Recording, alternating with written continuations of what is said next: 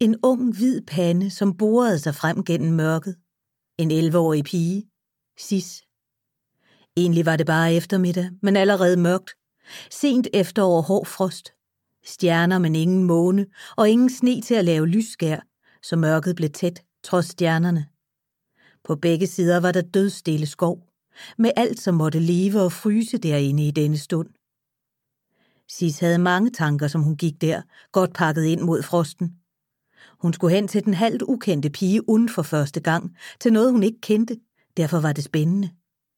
Hun for sammen. Et højt brag midt i disse tanker, denne forventning, som noget, der brister, ligesom videre og videre, mens det stillede af. Det kom fra isen på den store sø lige nedenfor. Og der var ingen fare, var i stedet glædeligt. Braget fortalte, at isen blev endnu en tak stærkere. Det smældede som bøsseskud, og der sprang lange knivsmalle revner fra overfladen og dybt ned igennem.